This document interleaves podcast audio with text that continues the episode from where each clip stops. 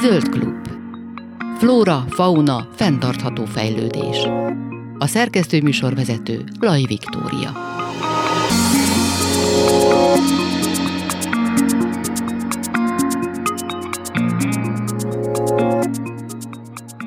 Kellemes délután kívánok, Laj Viktoriát hallják. A mai adásban Baranya megyébe gyűrűfűre látogatunk. 50 évvel ezelőtt szinte egyik napról a másikra szellemfaluvá vált gyűrűfű. A több mint 600 éves faluból kollektív döntés alapján költöztek el a lakók. Fájó szívvel sírva búcsúztak el egymástól, hagyták hátra otthonaikat, kertjeiket, kedves kis pincéiket. Aztán 30 évvel ezelőtt újjáélet gyűrűfű, mint ökófalu. Annó ugyanis pár lelkes fiatal elhatározta, hogy elhagyja a várost, és egy olyan települést hoz létre, ami összhangban van a természettel. Most viszont a lakók attól félnek, hogy gyűrűfű újra az elnéptelenedés útjára lépett. De vajon mi áll ennek hátterében? Miért kértek most segítséget gyűrűfű lakói, illetve a gyűrűfű alapítvány? Erről beszélgettünk, illetve lakókkal beszélgettünk arról, hogy mégis milyen az élet egy ökófaluban. Ma tehát erre az utazásra hívom önöket, tartsanak velünk.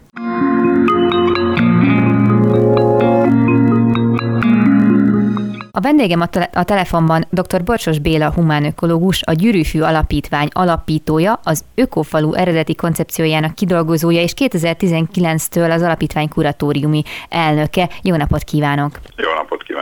És mielőtt itt belekezdenénk a, a konkrét apropójába igazából a beszélgetésnek, kicsit kontextusba képbe helyezzük a hallgatókat, hogy tulajdonképpen miről is van szó, amikor azt mondjuk, hogy gyűrűfűi ökofalu, humán ökológiai kísérlet és egyebek, amit előzetesen elmondanék a hallgatóknak az, hogy ez a település Baranya megyében található, kb. 30 kilométerre van Pécstől, csak hogy ezt így tudjuk helyezni, ami aztán 50 évvel ezelőtt hát nagyon hamar elnéptelenedett, konkrétan 1970. októberében az utolsó lakos is elhagyta ezt a falut, hogyha minden igaz. De tulajdonképpen mi történt akkor 1970-ben, vagy hát az azt megelőző években? Ugye ez már történelem, ugye 6-700 éves településről van uh-huh. szó, és a szocialista, kommunista település tervezés lehetetlenítette el a létüket, mindent centralizáltak, először az iskolát, aztán a TS-t, aztán nem kaptak köves utat, úgyhogy végül is feladták a kilátástalan küzdelmet, és beköltöztek Pécsre, meg Pécs környékére. Uh-huh. Aztán hát 30 éve, hogyha minden igaz, ön, illetve Kilian Imre ötletéből ö, jött létre lényegében ez az ökofalu kísérlet. Itt az ökológiai tervezési elveket próbálták meg elé ter- térbe helyezni, és így létrehozni lényegében egy, egy, egy települést. Ö, igazából hogy indult el ez az egész program, illetve mit jelent lényegében az, hogy humán ökológiai kísérlet? Mi volt a fejükben, amikor ezt a koncepciót kitalálták? Egyrészt van a világban egy úgynevezett ökofalu mozgalom, vagy ökofaluak jönnek létre. Ugye az ökológia szót azt már rettentően elkoptatták, úgyhogy én igazából nem is nagyon szeretem, csak azért használjuk, mert nincs jobb.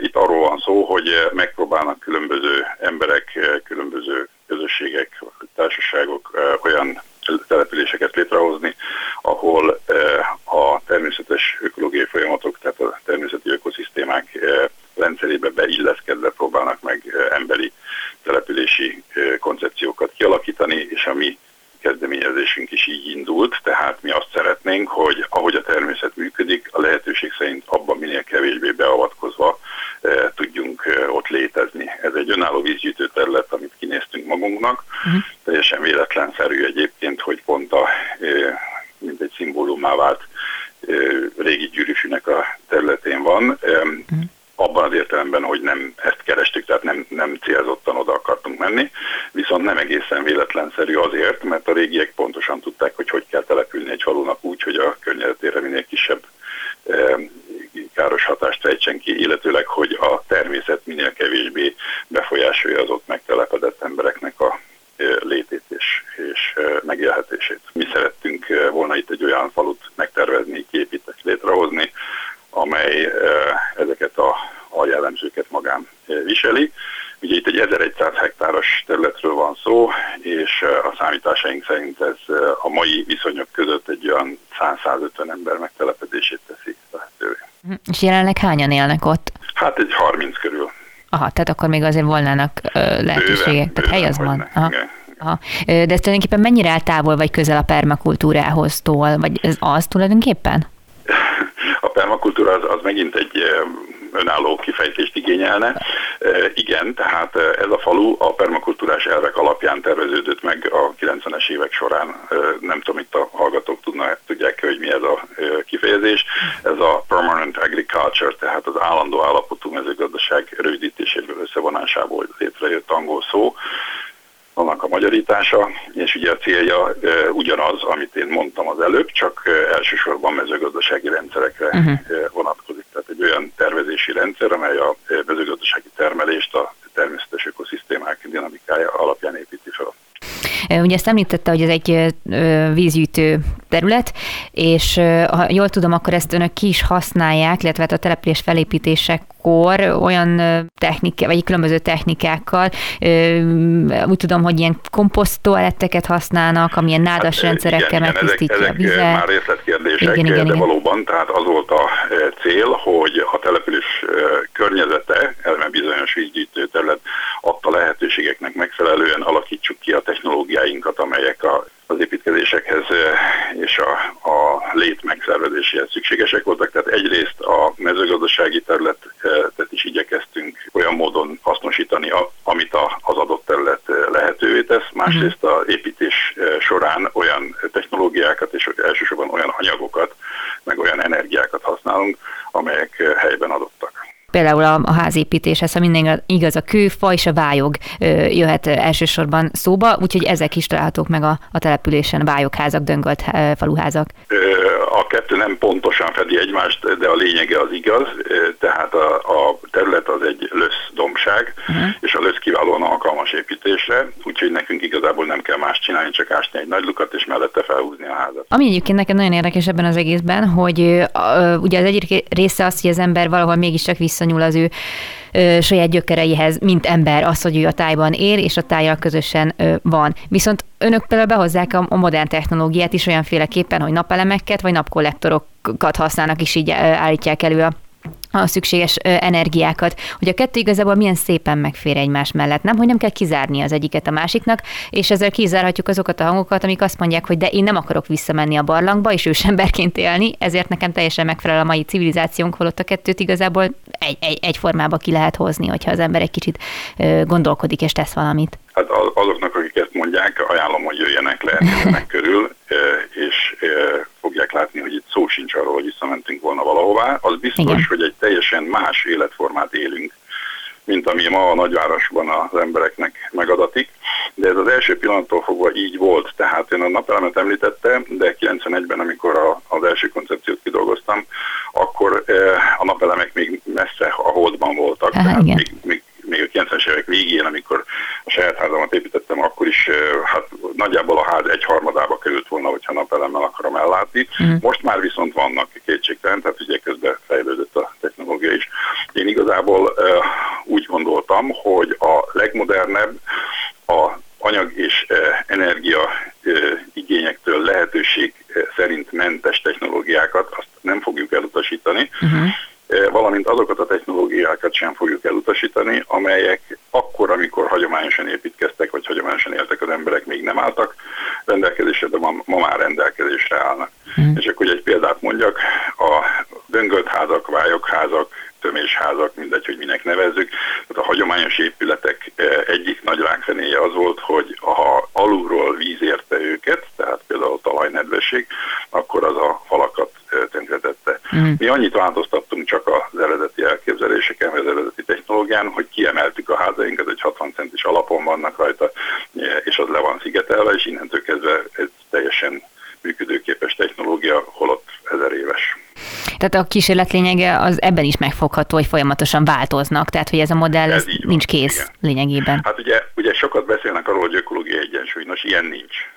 Aha. Tehát az ökológiában sincs egyensúly, ezt láthatjuk egyébként most az éghajlatváltozás kapcsán is, hogy folyamatosan változik egy-egy ökoszisztéma összetétele, ennek megfelelően változnak a benne lévő kapcsolatok, és mi egyeket, ezeket igyekszünk lekövetni és alkalmazkodni hozzá.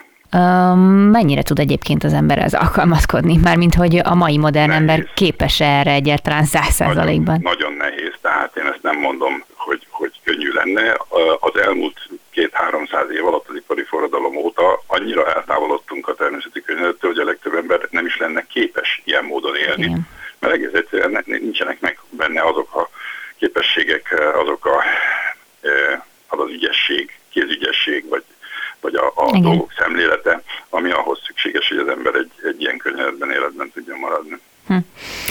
De azért az elején megtalálták ezeket az embereket, akik végül úgy döntöttek, hogy hát letelepednek? nem az elején találtuk meg, Aha. tehát ez egy rendkívül hosszú eh, folyamat. Annak idején, amikor a 90-es években az első ilyen interjúkat adtam, akkor mindig kérdezték, és, és hány évre tervez? És mondtam, olyan 200-ra. Néztek nagyokat, hogy, hogy az, az hogy lehet. Eh, de ez tényleg így működik. Csak hogy egy példát mondjak erre is, az erdőgazdasággal van egy megállapodásunk, hogy az ez 1100 hektárból 600 hektár állami erdő, tehát abba igazából mi nem tudunk beleszólni, csak mm. így tárgyalásos úton. És ők nagyon készségesek voltak. Egy 30 éves időeltolással megpróbálják lecserélni azt a ültetett állományt, ami, ami ugye eddig volt a környezetünkben, és most olyan, olyan fafajokkal elsősorban tölgyel újítják föl, amelyeknek a vágás érettségi ideje az 100-120 év. Tehát, hogyha uh-huh. most elkezdjük a 30 évet számolni, az már is 150 év. Magyarán a 200 év az egyáltalán nem volt egy olyan túlzó megállapítás. Abszolút, igen. Viszont, hogyha csak később találtak lakókat, akkor erről mesélni erről a folyamatról, hogy egyáltalán mondjuk, hogyha a 90-es éveket nézzük, hogyan jutott egyáltalán valakinek a fülébe ez, hogy ez, ez létezik és elérhető? Ugye ilyen, tehát vannak hullámok, amikor az embereknek elegük van a városból, és szeretnének visszajönni. Akik meg a falun vannak, azok meg szeretnének a városba menni, tehát ezeket a hullámokat kellene meglovagolnunk. Ugye a 90-es évek elején közepén volt egy ilyen hullám, eh, abból eh, alakult ki a, a most eh, ott lévőknek egy magja. Uh-huh. Aztán hát mindenféle ilyen személy jelentétek is voltak, úgyhogy megakadt egy kicsit a betelepülés, közben rettentő sok jogszabályi változás is történt, az sem kedvezett nekünk, úgyhogy igazából olyan 2018-2019 óta van most megint egy új programunk, amely immára megváltozott körülményekhez és feltételekhez igazodva szeretne olyan embereket találni, akiknek ez az életforma megfelel. De kinek felelhet meg egyébként? Itt említette ezt a fajta hát, képességet, ügyességet arra, hogy az ember képes legyen adaptálódni, meg feltalálni magát leginkább. De hogy van egyfajta olyan személyiségtípus, ami, amit itt el, el lehet képzelni, hogy ő egy potenciális gyűrűfűi lakos lehet egyszer? Hát ezt mi is tanuljuk. Hosszú, hosszú és türelmes tanulásra van szükség mert e, nem is annyira személyiségtípus, hanem inkább egy szemléletmód az, mhm. amire szükségünk van, aki, aki képes és hajlandó olyan változtatásokat tenni az életén, ami, ami, amire nekünk itt szükség van. Uh-huh. Igazából azt kell mondjam, hogy ez egy nagyon, nagyon nehéz folyamat. Tehát most az elmúlt két-két és fél év tapasztalatait összegezve, ugye tavaly év közepén, tehát még igazából másfél éve sincs, hogy meghirdettük a, a betelepülést, addig az adminisztratív előkészületekkel voltunk elfoglalva, és az azóta eltelt másfél évben hát több mint százan, legalább 120-an jelentkeztek mm. ilyen-olyan formában, hogy őket érdekli a téma. A honlapunkon feltettük azokat a feltételeket, amelyek alapján szeretnénk válogatni, de ez mm. csak az első szűrő, és igazából nem is mi válogatunk, vagy nem, nem tehát nem elsősorban mi válogatunk, uh-huh. hanem a körülmények és a lehetőségek. És amikor szervezünk ilyen nyílt napokat, akkor eljön 8-10 ember, és abból egy vagy kettő, hogyha olyan érdeklődik, és tényleg visszajön, és, és elkezdett foglalkozni a letelepedés gondolatával. Tehát azt kell mondjam, hogy abból a 120 emberből, akikkel eddig kapcsolatba kerültünk, most van 5, hm. aki tényleg le is fog telepedni, vagy legalábbis reményeink szerint így. De egyébként ez mondjuk közösségi szinten mennyire, hogy tegyen fel a kérdést, tehát hogy mi, mi a fontosabb egy ilyen, akár egy ilyen ökofalu működtetésében? Az, hogy mondjuk egy jól működő közösség épüljön egy ilyenen, vagy hogy tényleg olyan emberek legyenek, akik képesek ezt a szemléletet, a, e, ezt a természetközeliséget és ezt a fajta önellátást végezni, akár mind individumok is. Tehát, hogy vajon egy ilyen kísérletben ez inkább a fontosabb, hogy ez működjön, mint egy ilyen életforma, vagy az, hogy legyen egy, egy, egy, egy közösség, ami ezt az egészet életben tudja tartani. Mi nem, nem akarjuk túldimenzionálni a, a közösség fogalmát, uh-huh. nagyon sokan, tehát legalább olyan, mint az ökológia, hogy rengetegen visszaélnek vele, tehát Igen. ez egy ilyen gumicsont és, és uh-huh. elhasználódott dolog. Én nekem személy szerint az a véleményem, hogy a közösség az nem old meg semmit, hogy erről beszélgetünk, meg, meg építjük, meg egyéb. Tehát olyan emberi, mondtam, szemléletmód, hozzáállás és persze jellemvonások is kellenek ahhoz, hogy egy valódi közösség kialakuljon, amit nem lehet, nem lehet mesterségesen csinálni. Tehát nekem az a tapasztalatom, hogy, hogy jönnek az emberek, lemorzsolódnak, és akkor aki marad, abból meg kell próbálni mhm. valamit kihozni. Másik ilyen dolog pedig az, hogy itt ugye a, a házak azok több mint 100 méterre vannak alkalmasint egymástól, sőt, uh-huh. hát két domban, úgyhogy van olyan, hogy két kilométert kell gyalogolni, hogy a szomszéd lát az ember, uh-huh. hogyha mágdarálót el akarja hozni. Tehát e, itt az embereknek azért nagyobb, tehát a, a, a hogy az idejük nagy részében egyedül kell tudni tevékenykedni és uh-huh. megoldani dolgokat.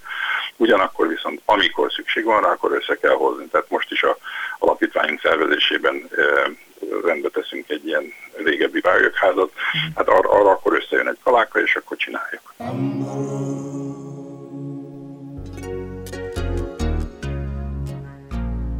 Amor.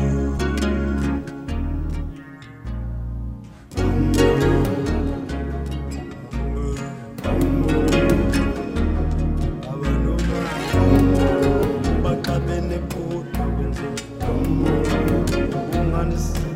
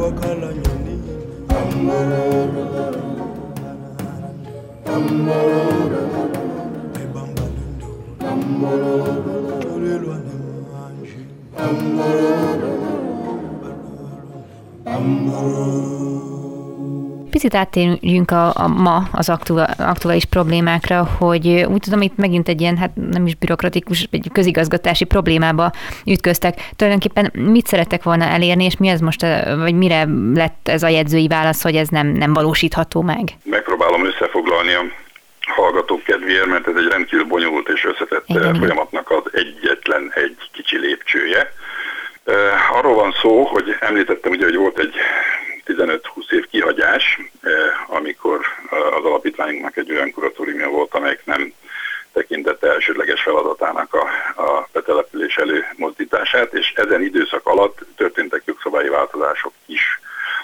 Az egyik ilyen változás az, hogy nekünk van egy rendezési tervünk, amit IBA önkormányzata fogadott el még a 90-es évek közepén, 95-96-ban, és ez szabja meg a betelepülés kereteit. Ezen a, ebben a rendezési tervben vannak utak kijelölve, amelyek csak ott léteznek, tehát a földhivatali átvezetése ennek nem történt meg, holott már régeség meg kellett volna csinálni. Uh-huh. Mi most, amikor nekiálltunk, akkor azzal szembesültünk, hogy nem adnak ki építési engedélyt, illetve használatba vételi engedélyt olyan épületre, amelyekhez nem vezet a földhivatalban is bejegyzett út.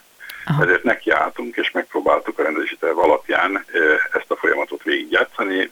Nem akarom a részleteket elmondani, másfél éve ezzel foglalkozunk. Hm.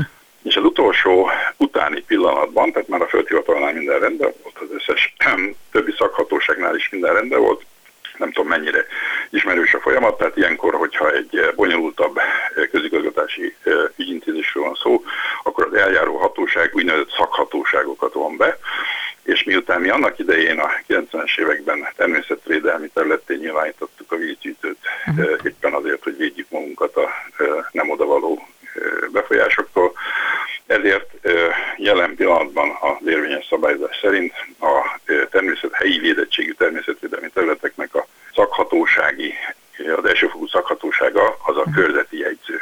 És amikor a földhivatal megküldte a jegyzőnek ezt a beadványt, amit mi beadtunk, akkor a jegyző megtagadta az úgynevezett szakhatósági hozzájárulását, arra való hivatkozása, hogy ez természetvédelmi terület, és egy csomó butaságot hordott össze, ami miatt mi most megakadtunk, tehát a földhivatal kénytelen volt a határozatot elutasítani.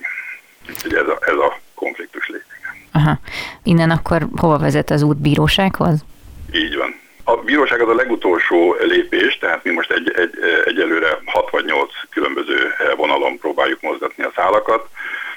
Először a ügyvédünk beszélt a jegyzővel, az szabályszerűen kidobta, utána volt egy küldöttség a alapítványunk képviselőjével és azokkal a lakosokkal, akik szeretnének házat építeni, azokat is kidobta. Most legújabb próbálkozásunk az volt, hogy egy hivatalos időpontot kértünk, és most lesz egy közmeghallgatás, ahova elhívja a rendezési terv készítőjét. Ez november 5-ére van ütemezve, hát nem tudom, hogy abból lesz-e valami. Igazából arról van szó, hogy egy, egy ö, ö, olyan nem határozat, mert ugye ez egy, ez egy szakhatósági hozzájárulás, mm. tehát önmagában ez nem határozat, de egy olyan döntést hozott a jegyző, ami meg, megvédhetetlen, tehát mm-hmm. Mit vetít ez igazából akkor elő, előre a, a településre? Tehát, hogy akkor nincs több beköltöző, nem építhetnek házat a meglévők sem? Hát ha ez így marad, akkor igen, de hát azért reméljük, hogy ez nem fog így maradni. Ez azt vetíti előre, hogy sajnos vannak gyűrűfűn olyanok, akik nem ártallanak minden követ megmozgatni annak érdekében, hogy új emberek ne jöhessenek oda. Pedig hát hely van, és a szomszéd jó messze van, amint hallottuk. Ez így van. Ez a konfliktus, ez a 2000-es évek legelejétől, sőt gyakorlatilag 99, inkább 2000-et mondok, 2000-től számítva létezik. Van egy olyan csapat, aki szeretné ezt az egész gyűrűfői projektet a saját képére és hasonlatosságára formálni, és van egy másik csapat, aki ezt nem szeretné hagyni. De hogy néznek ki egyébként a, annak a gyűrűfűnek a képe, amit mondjuk ön, mint az alapítvány képviseletében elképzelne? Hát semmiképpen nem így. Ugye eleve 2004 és 2018 között volt egy kuratórium, amelyik hangosan hirdette, hogy ide már nem kell több ember, mert elegen vagyunk. Én úgy gondolom, hogy van 31 szabad telkünk, azokat be kéne népesíteni. Hát ez, ez az első és legfontosabb különbség. További különbség az, hogy amint az előbb említettem, tehát mi folyamatos és állandó alkalmazkodásban vagyunk.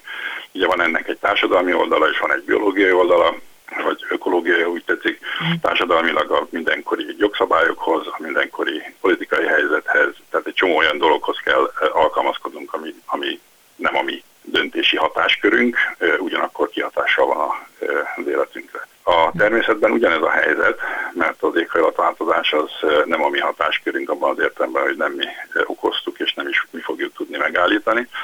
Ugyanakkor alkalmazkodnunk kell hozzá. A vízgyűjtő területen például a csapadék mennyiség az elmúlt 20 év alatt egy olyan 150 mm-re csökkent éves hm. szinten. Uh-huh, uh-huh. Úgyhogy ezeket, ezeket a dolgokat mindenképpen meg kell tudni valahogy oldani.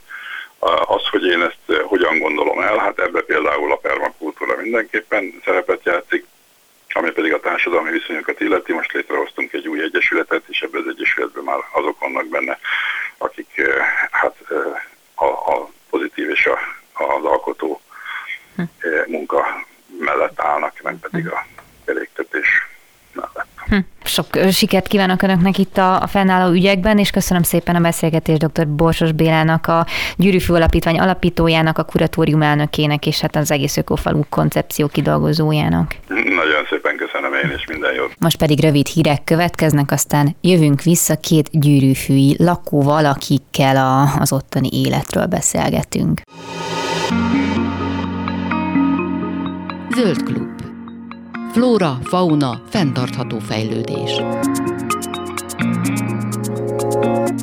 A vonalban van velem Szalóki Zsuzsa gyűrűfűi lakos, a gyűrűfűi alapítvány képviselője, és hát a Tündér Major biogazdaság alapítója. Jó napot kívánok! Jó napot kívánok! Picit, hogy beszélgessünk az ön hátteréről, hogy hogyan kerültek, hogyan költöztek mégis önök oda. Én úgy tudom, hogy Berkátán éltek a férjével, ahol, ha mindig ez kecskéket tartottak, csak hát kinőtték ezt a, ezt a helyet, ahol önök éltek, ezért kinézték az akkor épülő félben lévő ökofalut gyűrűfűt, ahova végül is sikerült átköltözni. Kecské kecskéstől, mindenestől kezdve, vagy együtt, és itt megkezdték a, az életüket. Én magam Stalin városban születtem, nem tudom, hogy ez önnek még mond-e valamit, hogy az micsoda. Az Dunai városnak volt a leánykori neve, de a férjem az tőzsgyökeres perkátai.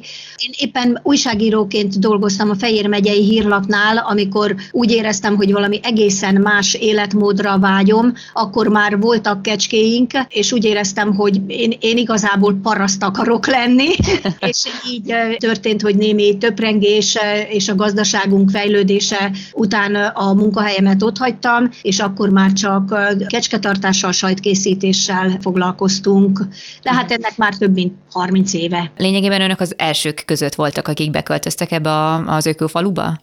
Az ökofaluba költözés az később történt, mint a kecsketartás. Mi már a kecskéinkkel együtt költöztünk ide 22 évvel ezelőtt. Viszont amikor kinézték maguknak ezt a gyűrűfűt, akkor mi, mit tudtak róla? Vagy egyáltalán az, hogy ö, akkor még így nevezték el, hogy ez egy humán ökológiai kísérlet, ez egy ökofalu, hogy ez teljesen más, mint hogyha mondjuk az ember elköltözne egy másik faluba. Koncepció volt, hogy, hogy egy ilyen helyen telepedjenek meg? Hát mi még akkor nem hallottuk ezt a fussa kifejezést, hogy humán ökológiai kísérlet, vagy rezervátum, vagy, vagy ilyesmi, amik itt szerepelnek, talán még az alapító okiratban is, mi az ilyen nyakattekert kifejezéseket nem szeretjük, mi szeretjük az egyszerű paraszti gondolkodást, és mivel mi már Perkátán is biogazdálkodók voltunk, ugyanakkor az állatainknak nem volt kapcsolódó legelője azon a településen, ezért minket elsősorban a garantált biogazdálkodás lehetősége vonzott ide, ugyanis Gyűrűfűn egy igen hatalmas terület, egyrészt természetvédelmi terület,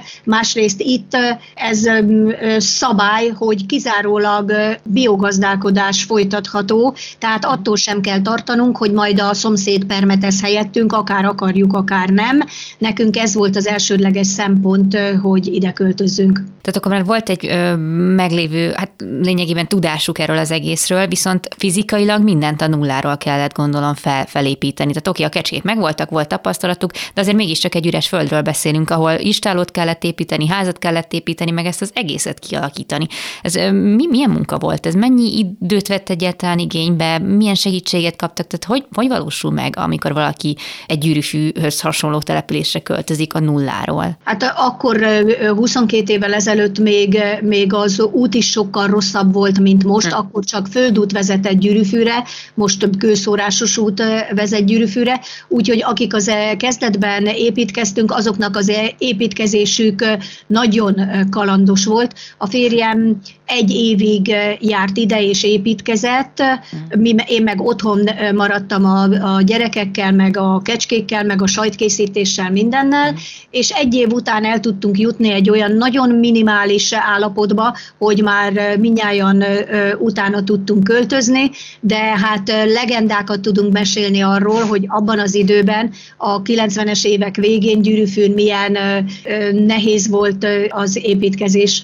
Itt a gyerekeket említi, gondolom, akkor velük is ez egy plusz bonyodalom, hogy mondjuk az iskolába eljussanak, hogyha egyáltalán utak sincsenek, vagy hát csak földutak vannak, mondjuk télen mit kezd az ember. Szóval azért mire, mire ide költöztünk éppen addigra, és többen költöztünk egyszerre ide, addigra azért meglett a, a kőszórásos út, tehát a makadámút, mi szeretnénk is megmaradni egy gyűrűfőn a, a kőszórásos út, a Makadám út mellett, bár az jó lenne, hogyha többet tudnánk javítani, tehát több forrás lenne ennek a kőszórásos útnak a javítására az nekünk akkor már csak egy olyan gyerekünk volt, akinek iskolába kellett járnia, és egy évig olyan szerencsések voltunk, hogy az Alma melléki iskola egy tanítói státuszt biztosított, és így az akkor gyűrűfűn élő gyerekek itt gyűrűfűn tudtak tanulni. Uh-huh. Azt követően a mi fiunk két évig magántanuló volt, és, és nagyon élvezte, szuper volt, mire felső tagozatba ment, akkor kezdett el csak bejárni iskolába, és egyébként gyűrűfűnek van falubusza, tehát ez olyan 2005-től talán, és azóta a gyerekeket a Szent Lőrincre az iskolába falubusz viszi be. Most egyébként még vannak gyerekek, vagy inkább a beköltözőkre volt ez jellemző akkor annó, hogy kisgyerekekkel jöttek? Most úgy tudom, hogy már csak három általános iskoláskorú gyerek van éppen most Gyűrűfőn, és hogyha megoldódnak a problémáink, akkor, akkor már talán jövőre is fog két pici gyerekes család ide költözni. A picit a, a tündérmajorról, biogazdaságukról hagy, hagy kérdezzem. Tulajdonképpen ugye már nagyon régóta lényegében az odaköltözésük óta megvan, hogyha jól tudom, itt sajtokat készítenek, kecskesajtot, kecske túrót, joghurtot, tojás lehet kapni. Viszont hát nyilván biogazdaság az mostanában már nem, nem egy távolálló fogalom tőlünk, mindenki keresi a, a biót, az organikus termékeket, stb. De amikor ezt az egészet elkezdték csinálni, akkor volt erre kereslet? Vagy ezt inkább csak maguknak, és az értékesítés az inkább később jött be a, a képbe? Kezdettől fogva elég jól el tudtuk adni a kecske sajtjainkat, aztán megalakult tulajdonképpen a mi közreműködésünkkel Budapesten az ökopiac, ami aztán egyre jobban felfutott, attól kezdve, tehát olyan 97 óta már az ökopiacon értékesítettük Budapesten a termékeinket, és ez végig így is maradt. A sajtkészítést egyébként hol tanulta meg, vagy kitől? Hát akkoriban még a 90-es évek elején nagyon nehéz volt sajtkészítést megtanulni, különösen kecske sajtkészítést. Nagyon hálás vagyunk a Andreas Csumarisnak, aki nekünk először megmutatta, hogy hogyan kell kecske sajtot készíteni. És azóta is így készítik? Az egyik sajtfélét azt hasonlóképpen bár fejlesztettünk a, a, a technikán, és utána sikerült hozzájutnunk egy fantasztikusan remek francia sajtkészítő könyvhöz, ami viszont már az ismereteinket igen alaposan mélyíteni tudta, és attól kezdve már többféle sajtot is tudtunk készíteni. De a falut egyébként például önök látják el, akkor kecske sajtal, vagy ez több, több gazdaságban is végzik, tehát hogy mennyire működik ez a kereskedelem ott, hogy ami nekem van, azt ad, ad, ad, adom a többinek, és ez nem, nem ütközök konkurenciába, mondjuk így. Fú, hát azért itt 21 néhány felnőtt él, tehát azért ez itt nem ám Budapest, tehát hogy nem, nem. Tehát vannak szomszédok, akik vásárolnak kecsketejet, kecske sajtot, de hát mhm. az, az, az semmi, tehát az, bocsánat, már, már nem azért, hanem tényleg klassz, hogy vásárolnak, csak hát ahol 20 felnőtt van, ott azért nem bonyolult elképzelni, elképzelni, hogy abból nem eh, lehet eh, megélni. De ez azt jelenti, hogy akkor nyitott gazdaságként, tehát lehet fogadnak látogatókat is, a többi, aki mondjuk arra túrázik, megnézheti a gazdaságot, ott helyben tud vásárolni, tehát nem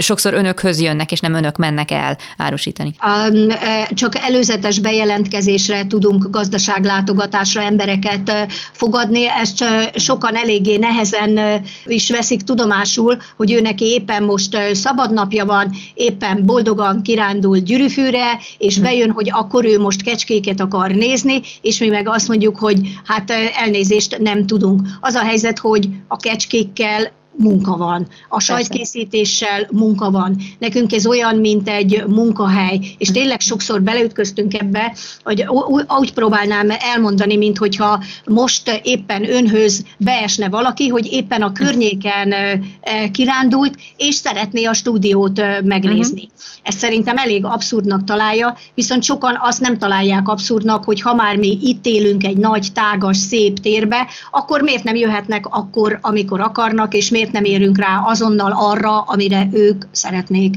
hogyha már ezt említett, hogy gyűrűfünk kirándolgatnak, stb. Én is úgy tudom, hogy megy ott egy tanösvény, tehát azért meg lehet találni. Van-e turizmusú? Gyakran látogatnak el oda turisták, hogy megnézzék, hogy ö, mégis milyen ott az élet, vagy inkább csak át, átvonulnak, hiszen arra ment az út, és nem feltétlenül tudják, hogy ők most gyűrűfűre egy ilyen különleges helyre érkeztek.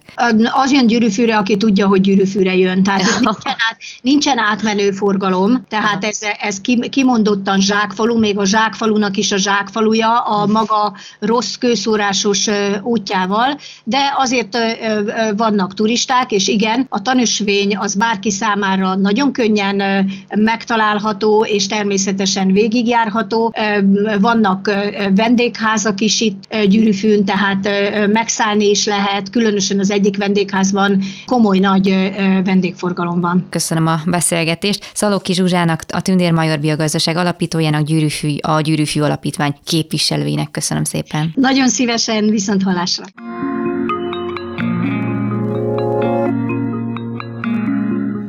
Világos Nikolettel beszélgettek, gyűrűfűi lakossal, aki pár hónapja költözött gyűrűfűre. Még egy ilyen kulisszatitkot hagyd mondjak el a hallgatóknak, hogy az, hogy tulajdonképpen mi most beszélgethessünk, az nem volt egy egyszerű feladat, mert hogy mondtad, hogy térerő az annyira nem szokott nálatok funkcionálni, próbáljuk meg interneten, de ehhez is, hogy igazából legyen egy jó internet kapcsolatát, kellett menned a szomszédaidhoz, hogy legyen. Szóval egy kisebb tortúra volt, amire sikerült a részedről összehozni, amit egyébként köszönök is szépen, hogy, hogy bevállaltad. De hát rögtön az, hogy kérdezem meg, hogy nem bosszantó ez, hogy ilyen nehezen éred el a külvilágot? Szia, én is köszönöm. Hát néha bosszantó, hogyha ilyen helyzet van, mint most, hogy nagyon kéne, és akkor nincs. De általában azért nem bosszantó, mert mindig van valami más tenni, és igazából a telefontérerőre megvan, hogy hol van, csak az olyan helyen van, ahol most nem szívesen ö, szerettem volna az egész interjú alatt csörögni, mert az a, a kinti WC-nek az egyik sarkában van. Az internetes térerő az pedig kicsit ilyen hangulat típus, és így jön megy. És akkor, hogyha valami olyan, olyat szeretnénk, amihez kell internet, akkor igazából nekünk általában mindegy, hogy azt most azonnal csináljuk, vagy majd egy óra múlva, ha megjött a térerő. Hm. És ezért nekünk ez nem zavaró, meg amúgy mi igazából olyan helyről jövünk most így direkt, ahol még kevesebb térerő volt, ahol konkrétan fel kellett menni a domtetőre a térerőért. Ehhez már hozzá vagyunk szokva egy pár éve. De honnan jöttetek akkor, hogyha nem bánod, hogy megkérdezem? Nem, persze. Mi Szarvaskőn laktunk, uh-huh. ezelőtt, tehát szerintem mi vagyunk itt, itt Gyűrűfőn valószínűleg az egyetlenek, akik ide nem kiköltöznek, hanem beköltöznek, mert igazából mind a kettet a párom is, meg én is városban nőttünk fel, ő Budapesten, én meg Pécsen, de mind a ketten még külön-külön eljutottunk odáig, hogy na nem, nekünk nem ez az élet, és kiköltöztünk, aztán megismerkedtünk és összeköltöztünk, és akkor Szarvaskön laktunk egy 28 hektáros völgynek a közepében, három kilométerre a falutól. És ott, ott pont az volt nekünk a, úgymond az indok, az egyik indok, mert az egyik indok az volt, hogy az egy bérelt terület volt, és nem akarták eladni.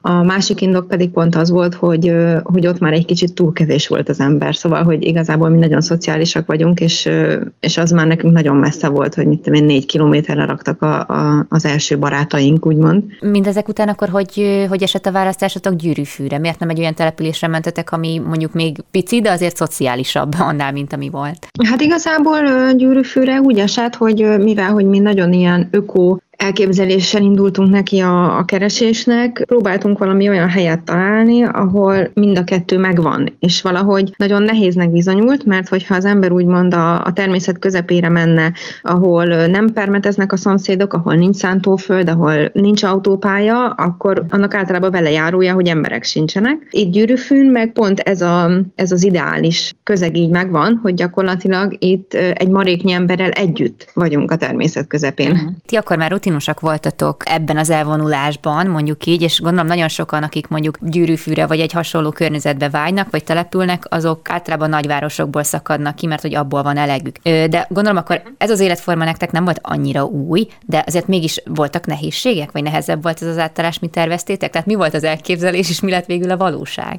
Hm. Igaziból, mint mondtam, ugye mi is városi származások Igen. vagyunk, tehát az átállás az nekünk már, tehát annyi, hogy nekünk ez nem gyűrűfűn volt, hanem már gyűrűfű előtt megtörtént ez az átállás, de igazából nekünk ez olyan szempontból egyikünknek sem volt túlságosan nehéz, mert valahogy azonnal úgy otthon éreztük magunkat ebben a, ebben a helyzetben. Tehát, hogy valahogy, ez nem tudom, hogy mennyire hangzik így furán, vagy mennyire érthetően, de hogy valahogy olyan igazibb az élet, hogyha az ember természet közelében él, hogyha úgymond a problémái valósak, mint most ez nagyon furán hangzik, de hogy ugye a város, városi életben nagyon-nagyon sok mindennel van az ember napi szinten konfrontálva, amik igazából kizárólag abból eredő problémák, hogy városban él. De hogy úgymond az igazi élet, hez, azokra a dolgokra nincs is szükség. És valahogy az ember egy ilyen életben sokkal inkább azokkal a dolgokkal van konfrontálva, amik olyan igazi problémák, és hogyha ilyen problémákat old mondjuk meg, akkor sokkal nagyobb mögötte valahogy így a sikerélmény is, meg ez az ilyen teljes életérzés, vagy hogy mondjam, és ezért igazából nem volt egyáltalán nehéz átállni. Tehát akkor mondjuk az itteni problémákat inkább úgy kell elképzelni, amik, hát most azt így nagyon leegyszerűsítve az életben maradáshoz szükséges, hogy megoldjam. Tehát az, hogy legyen mit tennem. Hát Igen. Így, tehát amikor mondjuk, mit tudom én, az van, hogy, hogy, hogy olyanok a kérdések, hogy víz, meg uh-huh. élelem, ugye mi arra törekszünk, hogy minél önellátóbbak legyünk, nyilvánvalóan tisztában vagyunk vele, hogy ez százszerzelékosan soha nem fog működni, és valószínűleg soha nem is működött, tehát hogy az ember ugye mindig egy szociális lény volt, de igyekszünk olyan redukáltan élni, úgymond, hogy ezeket a, a mindennapi élethez szükséges feltételeket, azokat meg tudjuk úgy teremteni magunknak, hogy ha mondjuk már holnapra valami elromlik, akkor mondjuk például a városban megáll az élet. Tehát, hogyha az ember tekeri a termosztátot, és nem kapcsol be a fűtés, akkor meg kell várni, amíg kijön a szerelő, ami lehet, hogy napok, és, és itt meg ugye az ember fával fűt, és a kájhája, és akkor maximum eldugul a kémény, de azt ki tudja tisztítani, és akkor legkésőbb éjszaka közepére meleg van, és egy ilyen után valahogy teljesen más, más minőségben érzi magát az ember életképesnek, vagy hogy mondjam. Csak belehelyezkedek ebbe a, a helyzetbe, hogy mondjuk engem kiraknának egy ilyen településen, és akkor éljek meg. Lehet, hogy előbb-utóbb rájönnék, hogy kell, de hogy borzasztó nehéz lenne, és hogy nem tudom, hogy mennyire van még meg az emberben ez, a, ez az ösztön, hogy, hogy, hogy életben maradjon a saját keretei között. Gondolod, hogy kell ehhez egyfajta bizonyos személyiség, aki, aki ezt el tudja viselni? Vagy akár magadon, akár a szomszédaidon mit veszel észre, hogy igazából milyen típusoknak való ez, a, ez az élet? Hát igazából öm, nem tudnék így erre olyan módon válaszolni, hogy most létezik egy embertípus, ami erre való. Én azt gondolom, hogy szerintem minden típus való egy hasonló életre, csak ahogy mondtam is az imént, hogy ugye az ember egy szociális lény, tehát hogy mindenki a saját feladatát veszi ki úgymond a, a közösségi össz valamiből, és uh-huh. akkor ugye ezáltal nem jelenti, hogy most mondjuk mindenkinek kötelező kertészkedni, aki itt él, nem is teszi mindenki, vagy kötelező állatot tartani, aki itt él, vagy állatot vágni, mert mondjuk például azt gondolom, hogy nagyon sokan nem tudnának, nem szeretnének, de ez nem is muszáj mindenkinek, és mondjuk például most tegyük fel, hogy ugye itt egy teljesen működő, mondjuk falu szintű ellátásról beszélnénk, ami amúgy nincs, de hogyha lenne, akkor ugye olyan feladatok körök is lennének ebben, hogy ugyanúgy kéne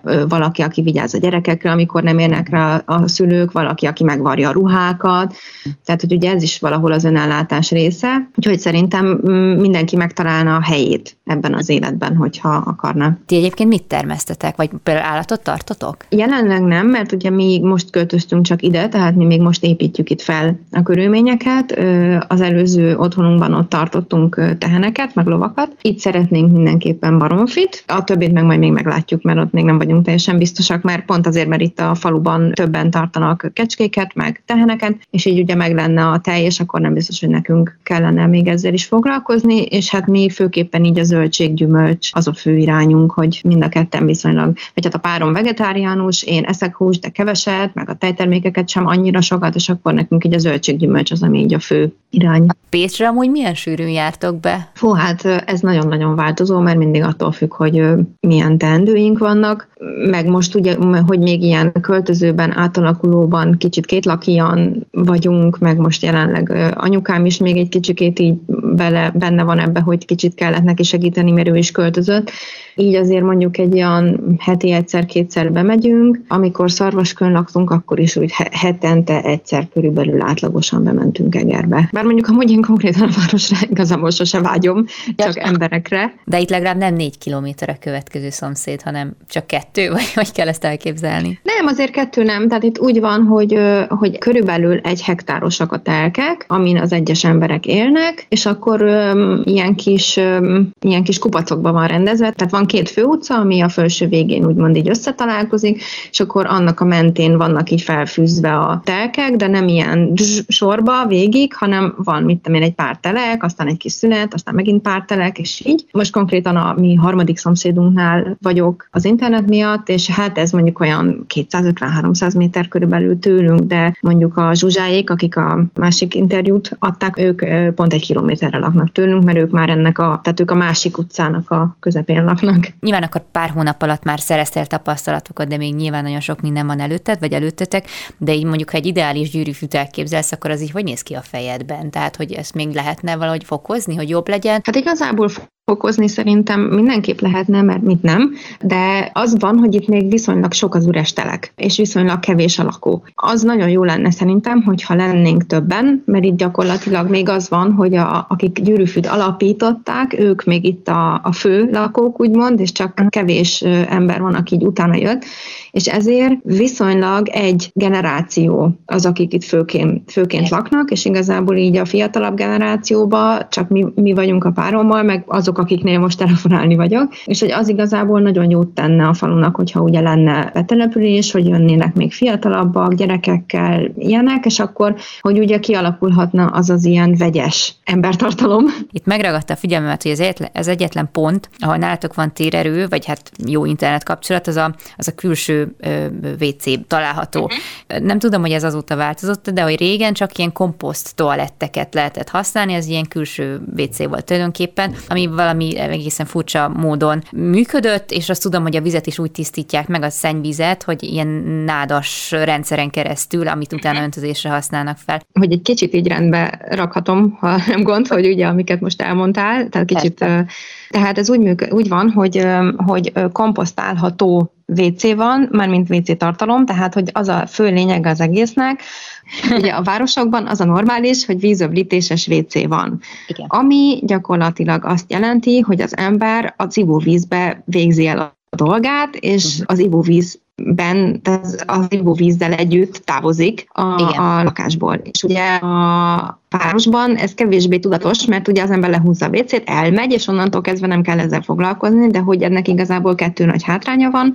Az egyik hátránya az az, hogy ugye a vízből ezt vissza tisztítani nagyon nehéz, hogy ez igazából nagyon értékes tápanyag mert ugye nem véletlenül trágyázzák például a földeket, és ugye a ülék nem más, mint trágya, uh-huh. és hogyha ezeket ugye mi szépen elküldjük a, a WC-n keresztül a szennyvíztisztítóba, ott inkább nyűg, viszont hogyha ezt felfogjuk és tesszük bele alapból sem a vízbe, hanem külön kezeljük, akkor gyakorlatilag mehet ugyanúgy a komposztra, mint bármi más, ez komposztálódik, és értékes tápanyaggá válik, és akkor ugye pár év után mehet rá veteményesre, és megesszük újra. És akkor ez a gyökérzónás tisztító, az pedig igazából pontosan ezért tud ennyire jól működni, mert ugye oda nem a komplet szennyvíz folyik bele, hanem csak az úgynevezett szürke víz, tehát az egyéb használati víz, ami ugye a zuhanyzás, a mosás, a mosogatás, és abban olyan jellegű szennyeződés nincs is, pláne, hogyha az ember mondjuk ilyen ökó dolgokat használ arra is, hogy mondjuk nem használ öblítőt, meg nem a legbrutálisabb mosószert használja, hanem valamilyen természetbarátot,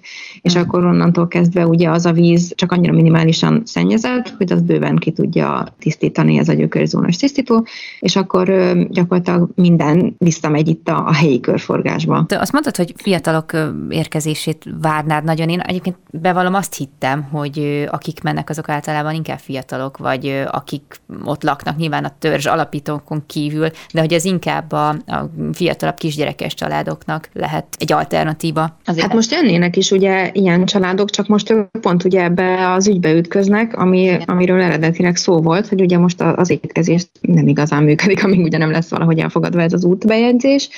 Tehát abszolút ez, ez megvan, amit mondasz, hogy, hogy őket vonza ez, csak ugye hát igen, itt a legtöbb ember, aki itt lakik, az még az első turnus, és ugye ők valóban általában kisgyerekesként, vagy, vagy a gyerekek már itt születtek, így kerültek ide, csak hát azóta ugye eltelt, mit tudom 20 akárhány év, és nem jött igazából folyamatosan utánpótlás, ez, ez volt, amitől így megrekedt egy kicsit ez.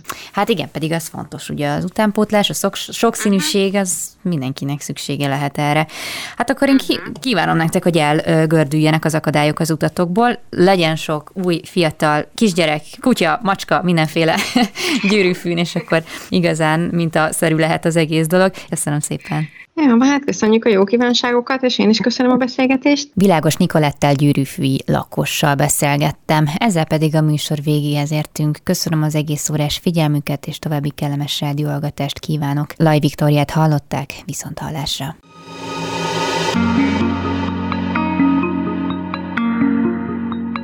Flóra, fauna, fenntartható fejlődés. A Zöld Klub műsorát hallották. Música